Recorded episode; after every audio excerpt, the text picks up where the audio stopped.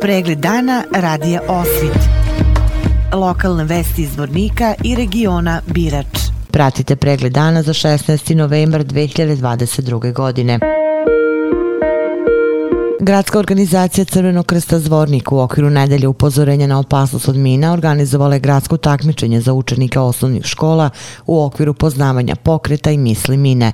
Dana Mićić, sekretar gradske organizacije Crvenog krsta Zvornik. Gradska organizacija Crvenog krsta u svojim redovnim aktivnostima svake godine organizuje školsku, u stvari gradsku, regionalnu, republičku i državnu takmičenje iz poznavanja pokreta i misli mine, upozoravanja na mine. Gradska organizacija je prošle sedmice organizovala gradsku takmičenje gdje su učestvovale naše škole, pet škola, a na poznavanju mine, a na poznavanju pokreta u učestvovali svi šest škola na našoj opštini, gdje se i prvo mjesto osvojili su Sviti Sava iz poznavanja pokreta, a iz Nisli mine. Tako da se plasirali na regionalno takmičenje koje će se održati na e, 25.11. u Svorniku u školi Sveti Sava. A u okviru toga se i raspisao konkurs za literalni likovne radove iz e, pokreta misli mine. Djeca su stvarno pokazala dobro znanje i veoma su zainteresovani organizovane svake godine. Naše škole osvajaju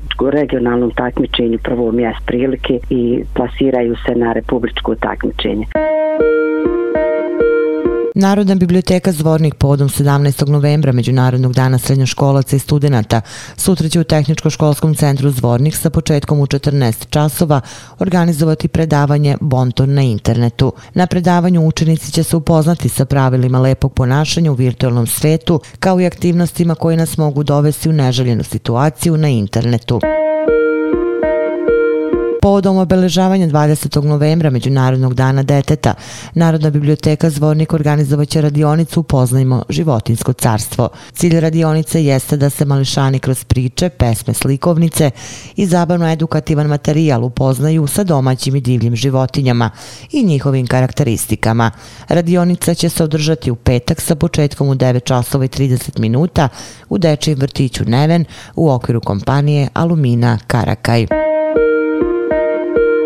U oktobru mesecu na području koje pokriva policijska uprava Zvornik evidentirano je 71 krivično delo, a materijalna šteta koja je pričinjena ovim krivičnim delima iznosila je 54.788 maraka. U proteklom mesecu dogodilo se 46 saobraćenih nezgoda u kojima nije bilo smrtno stradalih lica. Pet saobraćenih nezgoda bilo je sa teško povređenim licima i 12 saobraćenih nezgoda sa lakše povređenim licima. Što se tiče ilegalnih migracija na području policijske uprave Zvornik pronađeno je i evidentirano 124 ilegalna migranta, najveći broj iz Afganistana, od toga 105 muškaraca i 19 žena.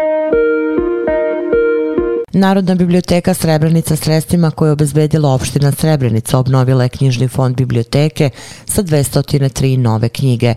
Obavezna lektira, zanimljivi aktualni naslovi za decu i odrasle, sada su dostupni korisnicima i čitaocima. Odabir novih naslova je veliki izazov i zadovoljstvo jer je izdavačka delatnost raznovrsna, ali uz preporuke potrebe i želje čitalaca sve je jednostavnije.